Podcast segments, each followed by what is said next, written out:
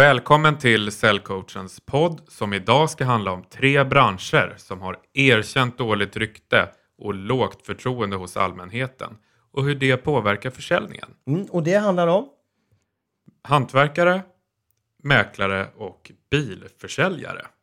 Och vi ska prata om varför det är så här och hur man med hjälp av en coachande säljteknik inte blir drabbad av sin bransch dåliga rykte när man själv tillhör kategorin som faktiskt gör ett bra jobb. Mm, det stämmer och jag är Göran Wernersson. Är säljcoach och utbildad här på Säljcoachen sedan tio år tillbaks i, i, i tiden. Och du Christian? Jag är Christian Nilsson då, utbildad personalvetare och jag har jobbat med försäljning och använt säljcoachens metodik i många års tid. Mm, och vi ska ju prata om de här tre branscherna som har erkänt dåligt rykte. Och det är ju ingenting som vi själva har hittat på utan det, det kommer ifrån en, en, en undersökning eh, på uppdrag av Konsumentverket som eh, Den du kan berätta lite mer om. Ja, precis. Den här undersökningen visar då att misslök, misslyckade köp av varor och tjänster kostar konsumenter 50 miljarder om året. Och enligt undersökningen som 4038 personer då i åldrarna 18 till 75 har deltagit i eh, så köper varje år tre av fyra personer varor och tjänster som inte möter förväntningarna. Och de misslyckade köp då som kostar svenskarna allra mest pengar det är hantverkare följt av bilar, fastighetsmäklare och sen mobiltelefoni och telekomtjänster. Då. Och vi ska alltså prata om hur vi kan hjälpa dem från dessa tre branscher att ändå kunna öka sin försäljning med hjälp av korta kunder till köp så att bra leverantörer inte drabbas utav branschens dåliga rykte.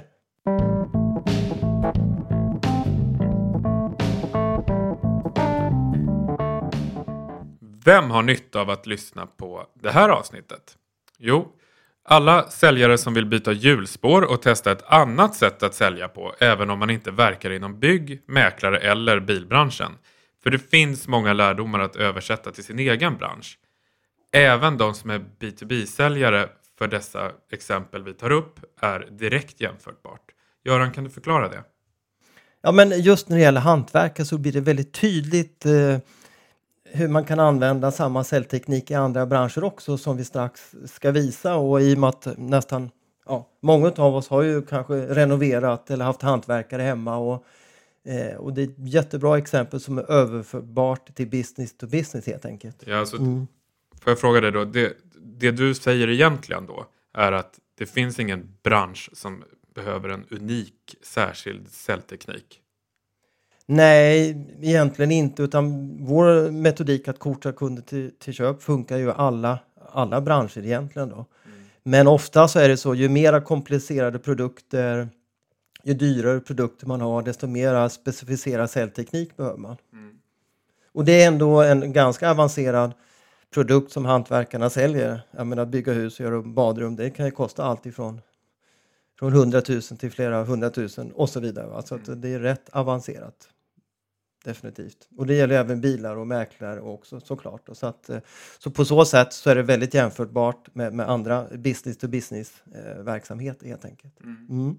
Och speciellt för företag då som är okända och konkurrerar med företag som är mer välkända kan ha stor nytta av det vi kommer att prata om.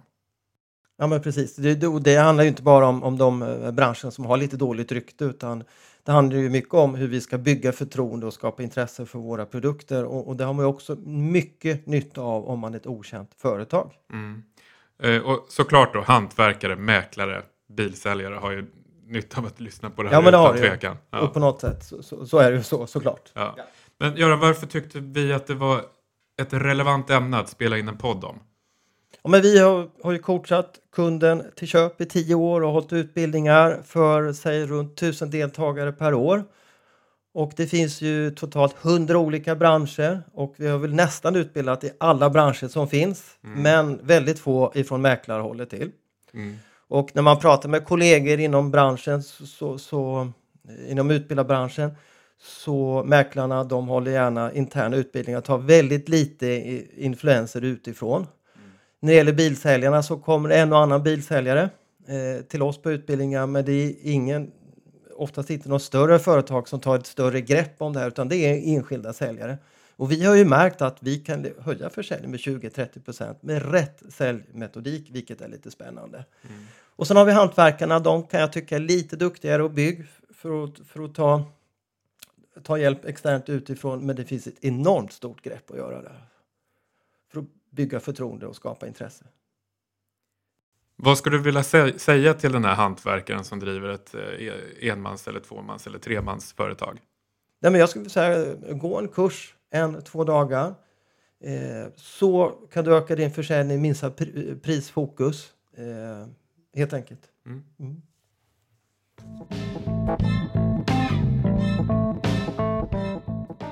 Varför har de här branscherna så dåligt rykte? Mm, och vilken bransch är det mest tydligt i? Jo, hantverkare och bygg. Eh, bygg och anläggning är det framförallt. Ja, det är väldigt, väldigt, väldigt tydligt. Och framförallt då mot konsumenter? Mot, framförallt mot konsumenter så är det väldigt tydligt. Varför är det så? Ja, men det är ju mycket program om eh, tv-program om fuskbyggare. Det, det, skrivs en hel del eh, om fusk och, och, och, så vidare. Va? Så det är ju det är mycket man generellt sett pratar om. Och det vill vi säga att det är mest fokus på, i storstäderna. Oftast inte lika stort problem i mindre städerna. Nej, och vad beror det på? Nej, men alltså, om, om jag hantverkar så kanske jag träffar min kund nere på Konsum och då vill jag leverera och göra ett bra jobb. Eh, det, problemen finns även där, men oändligt mycket större i storstäderna i Sverige. Mm. Och går man vidare, till exempel Christian, om vi går på en fest och så säger jag så här, oh, nu kommer det, nu, nu vart, vart diskbänken felmätt för tredje mm. gången. Och då blir jag när du berättar det för mig jätteengagerad för jag har ju varit med om samma sak eller ja. något liknande och vill gärna berätta om det och så bordsgrannen hörde vad vi sa. Ja. Och då får man ju tio stories om hantverkare och, och generellt sett om man frågar människor som mm. har byggt om ett badrum eller kök så är det inte helt ovanligt att, att eh, de flesta tycker att... Ja, men att det inte blir klart i tid, att det alltid blir dyrare än vad man hade förväntat sig eller diskuterat från början. Och att det inte blir helt perfekt eller enligt den standarden man hade förväntat sig. Och dessutom så var det så otroligt smutsigt när ja. de var klara. Så att det är inte helt ovanligt att, att man, några av de här kan dyka upp. Nej. Och när det gäller mäklare, hur, hur, hur kommer sig, hur, vad, vad kommer deras generellt sett dåliga rykte ifrån? Ja, vad beror det på egentligen? Det, bland annat så får man ju ofta höra dåliga stories om dåliga mäklare och mycket känslor när det gäller då det egna boendet och det handlar om väldigt mycket pengar. Det är ofta den största affären man gör i sitt liv och sådär. Det är vanligare att man berättar om någonting som man inte tycker har varit bra än någonting man tycker har varit bra. Ja, men precis. Och, och, och det finns även en hel del historiska aspekter på det hela. Så förr i tiden på typ 1900-talet mm. så behövde man ju som mäklare gå en 20 veckors kurs och den kanske inte var alltför avancerad men idag så går ju mäklarna en, tvåårskurs och väldigt avancerad. Eh, och, och eh, man, många lever kvar i, i, i, i den aspekten att de inte har så lång utbildning som de faktiskt har idag. Mm. Och sedan, är, och sedan en annan stor orsak är att det tjänades väldigt mycket eh, pengar när många hyresrätter gjordes om till bostadsrätter. Mm. Och det var väldigt många konsumenter som kom i kläm. Och, mm. och snabba affärer. Ja, men snabba affärer och den här traditionella, för några år sedan när det var något år sedan eller två, då var det liksom visning på söndag, återvisning på tisdag och affär på fredag. Mm. Och då blir man lite stressad. Mm. För många gånger, jag säger inte att det är så idag, så vill ju mäklaren oftast ha en snabb affär mm. istället för att ha eller istället för att få in lite mer pengar så tjänar de generellt sett mer på det. Då. Ja. Ja. Så mycket av mäklarnas dåliga rykte hänger ihop med hur det var faktiskt förr i tiden. Mm. Och sen är det här lite med dolda bud och grejer, men det känns ändå, man vet inte riktigt om man får högsta pris. Nej, precis. Så, så att, eh, ja, eh, mm, och det här med bilsäljarna då, Christian? Ja, men det är ju ofta någonting det står om så svarta listor i Aftonbladet till exempel. Och då handlar det om begagnade bilar och många gånger är de mer eller mindre trafikfarliga då till exempel. Eh, men handlarna tycker att de är tipptopp och att allt är köparnas fel. Eh, bilsäljare drabbas nog lite av att många verkstäder kanske har gjort ett dåligt jobb innan då. Och det skrivs det också en hel del om. Eh, så. Mm. Men allt gäller inte bara bilar då som rasar. Så till Arns motorsektion så kommer det även anmälningar som rör hyrbilar och skador som uppkommer när bilen är inlämnad på verkstad samt motorrelaterade köp på internet då till exempel. Och ARN är alltså Allmänna reklamationsnämnden. Eh, Men sen kan man också säga att det verkar handla väldigt mycket om kundbemötandet. jättemycket om kundbemötande. Och, och generellt sett så, så, så om jag skulle även på samma fest säga att jag skulle gå in och köpa en ny bil men det var ingen som kom fram och pratade med. De skulle på lunch allihopa. Så många gånger känner man att man själv blir nonchalerad och då säger många andra Ja men det har ju också varit det har ju om på också ett blivit, eller annat också sätt. blivit. Ja. Ja. Och så tycker man kanske att bilförsäljare då eh, pratar mycket och lys- men, men lyssnar lite. Och överdrivet trevliga. Så är det ju.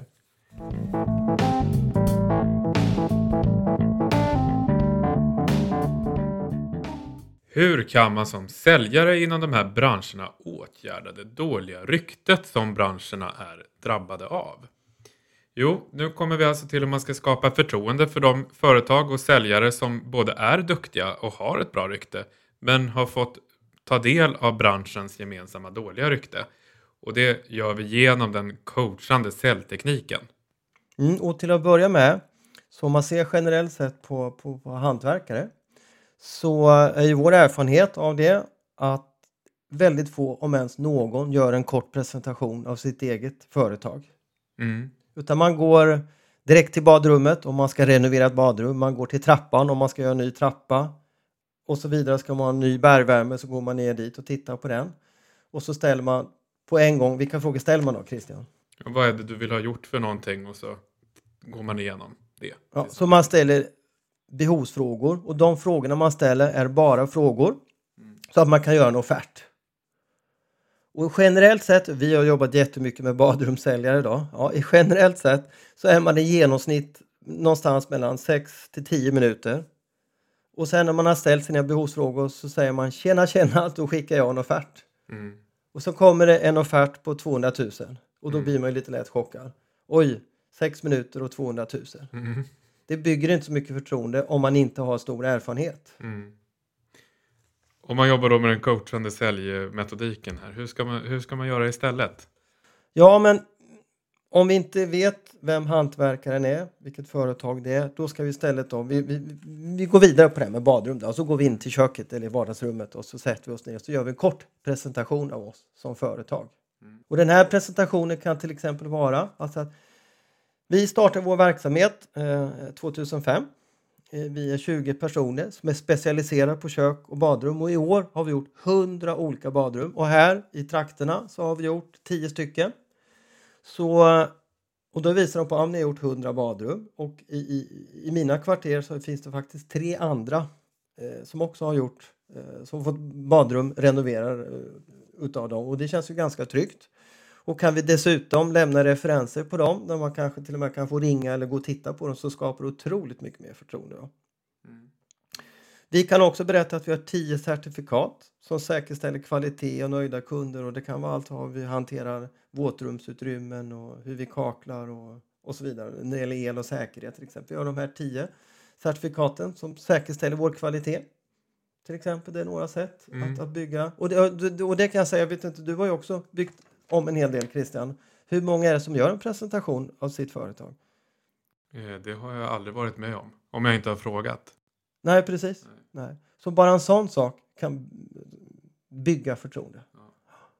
Och det, be, och det behöver inte vara mer konstigt än så att man kanske till och med tar fram eh, webben eller en dator och visar om oss. Mm. Och har man inte den informationen vi precis har pratat om, då kanske man ska upp, uppdatera sin hemsida med, med de här sakerna. Mm. Alltså historia, hur länge man har funnits, antalet anställda, har man några garantier, referenser. Det bygger otroligt mycket förtroende. Kundlöften till exempel. Då. Kundlöften, alltså man är ju lite sugen på att ha någonting som heter arbetsmoral i fem punkter till exempel. Mm. Ja, Hur skulle det kunna se ut? ja men alltså man undrar ju alltid, gör de någonting när man inte är hemma? Kommer de och går i tid till exempel? Det är man Ja. ju så lite Ja. tveksam till, eller hur? Ja. Om man är lite elak Ja. eh, mot hantverk, i alla fall i storstäderna. Då. Så konkret, hur skulle det kunna se Ja, ut? men det skulle kunna vara till exempel att man, att man visar upp för kunden att vi kommer klockan 07.00. Vi har rast 10.00 till 10.15. Mm. Vi tar lunch klockan 12.00. Mm. Vi gör alla våra inköp efter och efter arbetsdagens slut så att vi sparar tid. Så att vi sätter upp några punkter klart och tydligt hur vi jobbar. Mm. och en sån sak kan bygga förtroende. Ja, verkligen. Eller hur? Det är ju ja. inte så himla svårt. Mm. Så det är ett sätt Mm. att verkligen göra den här presentationen, för det gör ingen annan. Nej.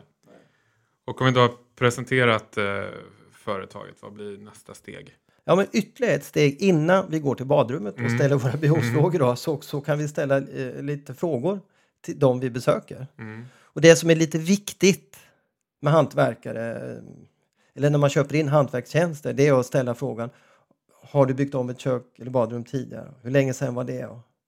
Vi frågar också vilka upplevelser hade du av det? Var du nöjd med dem? Mm. Och man kan ju säga så här till och med om man är extra ja, men är självsäker så kan man faktiskt ställa frågan. Du, det är ju många som blir irriterade på oss hantverkare Mm. för att vi ibland inte levererar i tid. Mm. Det är många som tycker att det blir dyrare än man har tänkt sig och, och många blir irriterade över att det blir smutsigt. Man har gått därifrån och ja, ibland så, så ja, blir det som inte man har tänkt sig. Är det någonting som du har varit med om? Eh, ja. Allt det du räknar upp här har jag varit ja. med om. Och, och, och, och, och som hantverkare då, eller mindre byggbolag ställer den frågan till kunder. Det bygger otroligt stort förtroende. Att man vågar prata om det, Ja. det många är missnöjda över. Ja. Och bara att ställa frågan om de sakerna gör att man bygger förtroende. Och det är Ja. lite häftigt. Ja. Och sen om man får affären, så om man har pratat om de här sakerna innan, så blir det faktiskt inte lika eh, jobbigt att ta upp längre fram. Det blir, det blir inte lika krystat att prata om det. Ifall man under tiden som arbetet genomförs inte riktigt är nöjd med någonting, Nej, men precis. så kan man ta upp det Ja, så blir det en ja. lite mjukare diskussion. Och när man ändå är inne på nöjd så kan man också ställa lite frågor om, om, om vad kunden har för förväntningar. Och då kan jag som hantverkare ställa frågan om du skulle välja oss som dina hantverkare. Vad tycker du är viktigt? Mm. Vilka förväntningar har du på oss? Mm. Och då, om det nu är väldigt viktigt för kunden att det är tyst, att det ska vara rent, det ska vara städat eller det ska vara klart i tid, ja, men då, då får man ju bolla upp och prata om dem. Mm. Och återigen, att bara våga prata om det bygger förtroende. Ja, Och jag har aldrig varit med om någon hantverkare gör det. nej. Och ställer man dessutom de här frågorna så är chansen mycket, mycket större att man inte blir lika prisfokuserad. I alla fall inte eh, om man har råkat ut för dåliga hantverkare sedan tidigare. nej. Så det är en stor, det är en stor, även den här prisfokus är en extra, extra bonus man får med hjälp av de här frågorna. Så ju, ju mera problem vi har råkat ut för desto mer viktigt är det att vi bygger förtroende. Och, och kan vi bygga förtroende så blir det heller inte lika prisfokuserat. nej. Så är det.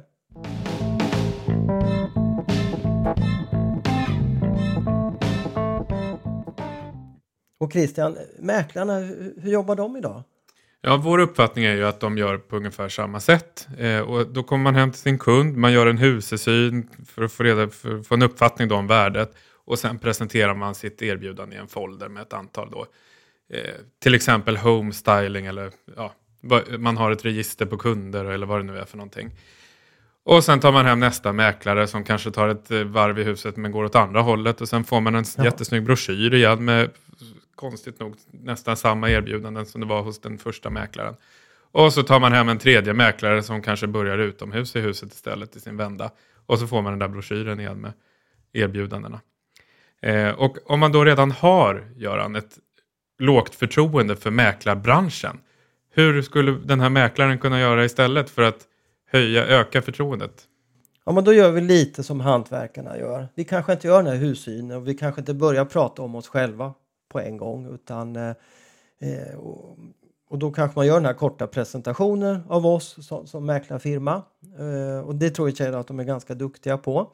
Men man framförallt kan ställa frågan Har du sålt ett hus tidigare? Hur länge sedan var det? Hur många hus har du sålt genom åren? Mm. Och hur upplever du att de försäljningarna har gått? Har du, egentligen fråga, har du varit missnöjd med någon mäklare någon gång? Mm. Att bara våga ställa den frågan Mm. gör att, att eh, man bygger mera förtroende. Och det är ju jättebra, ja, men jag har varit lite missnöjd förra gången, att vi då går vidare och frågar vad var du missnöjd med? Mm. Så vi liksom pinpointar de tre, fyra sakerna de var missnöjda med. Mm. Hade man kunnat ställa sådana här förväntansfrågor? Ja, men det kan man ju också göra. Eh, och, när vi, och, och, och, och då kan vi säga så här, förutom bonusen eller provisionen, eh, vad är viktigt för dig nu när du ska välja din mäklare här? Mm. Kan du räkna upp två, tre saker som du tycker är viktigt? Mm. Och, och då menar vi allt det här med visningar och priset och vilken relation vi ska ha. Mm. Så, så eh, om man då får reda på detta Mm. innan jag gör min presentation, vilket jag tycker oftast är bättre, att vi ställer de här frågorna och sen gör presentationen. Mm. För då kan vi anpassa den här presentationen. Och märker man att det är någon som är lite suspekt eller eh, känner sig otrygga och har haft dålig upplevelse, då får vi ändra vår presentation så vi kan presentera det på sånt sätt att de känner sig trygga helt enkelt. Mm. Och, och har man då haft, inte haft några problem eh, genom åren, då, vi, så att säga, då får vi helt annan typ av presentation. Mm. Så här får vi vara lite flexibla hur vi ska presentera oss och det är ju helt och hållet på om man är, har dåliga erfarenheter eller inga erfarenheter alls. Och här kan vi lätt prata 5-10 minuter och kanske ännu längre än så. Bara det här bygger så mycket förtroende. Sen kan vi göra hus i synen. Och Ja. vi kan gå åt ena hållet, vi kan gå åt andra hållet och sen kan vi faktiskt visa vad man har. Och då kan vi visa, de här fem punkterna har vi till exempel. Vilken vill du att jag ska börja prata om? Vad tycker du är viktigt till exempel? Och det är det här vi sätter kunden i centrum och låter dem peka och så vidare. Och, och det här kommer ju sticka ut. Så att vi, vi, liksom, vi är där för deras skull och inte bara pratar om oss och oss och oss hela tiden. Ja, Ja. Det är några saker hur man kan bygga förtroende på ganska eh, kort tid egentligen.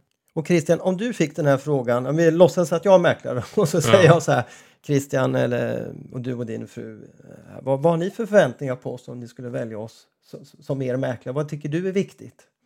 Vad skulle du Eh, svara då? Ja, jag är ju ganska tuff här. Alltså, för jag tycker att om jag betalar 120 000 till, för, för någon som ska sälja mitt hus så ser jag det som att jag anställer den här personen som konsult för en ganska bra lön.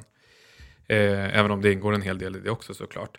Så att jag vill ha 100% insyn i vad min mäklare håller på med.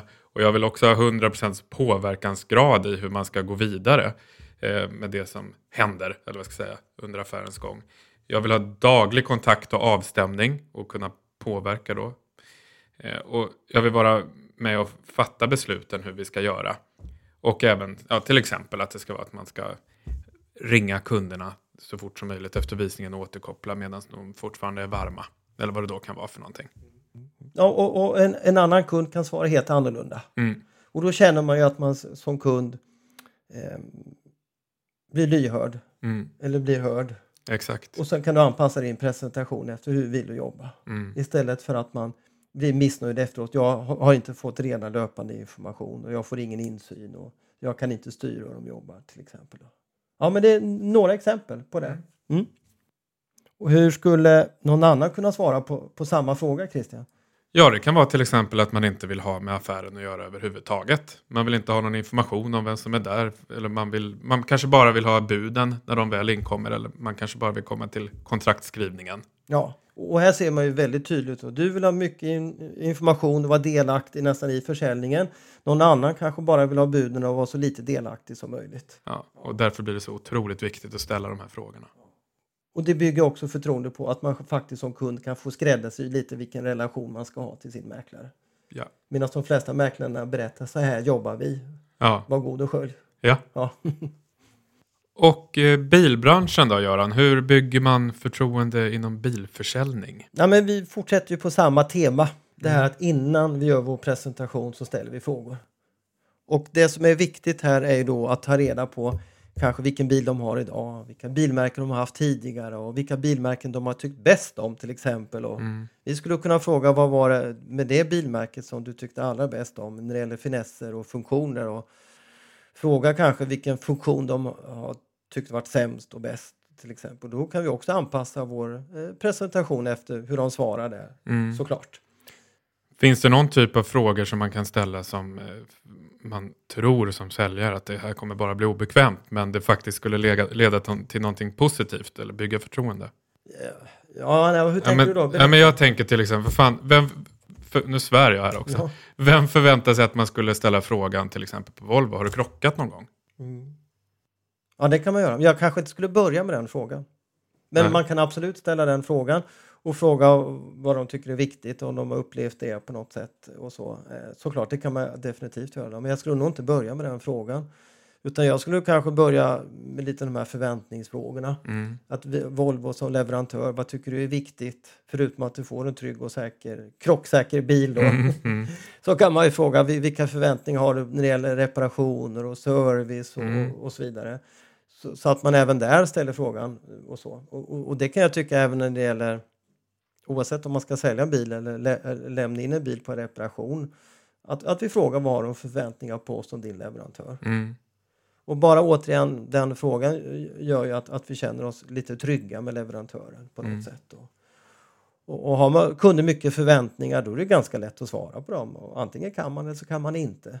Och har man mindre förväntningar eh, ja, men då känner man sig ändå nöjd att man har fått den frågan. Det känns också ganska tryggt. Liksom. Mm. Så det är lite ett annorlunda sätt helt enkelt att, att sälja bilar på. Så att, och, och det vi pratar om här det är ju att, att vi ska helt enkelt ställa frågor först innan vi gör vår presentation. Och i alla de här tre caserna, vi pratar ju om hantverkare, mäklare och bilbranschen. Ställ 10-15 frågor om kundens kunskap och förväntningar först för att bygga förtroende. Mm. Ja. Så det var väl allt för oss Ja. för den här gången. Ha det gott. Tack och hej! Hej.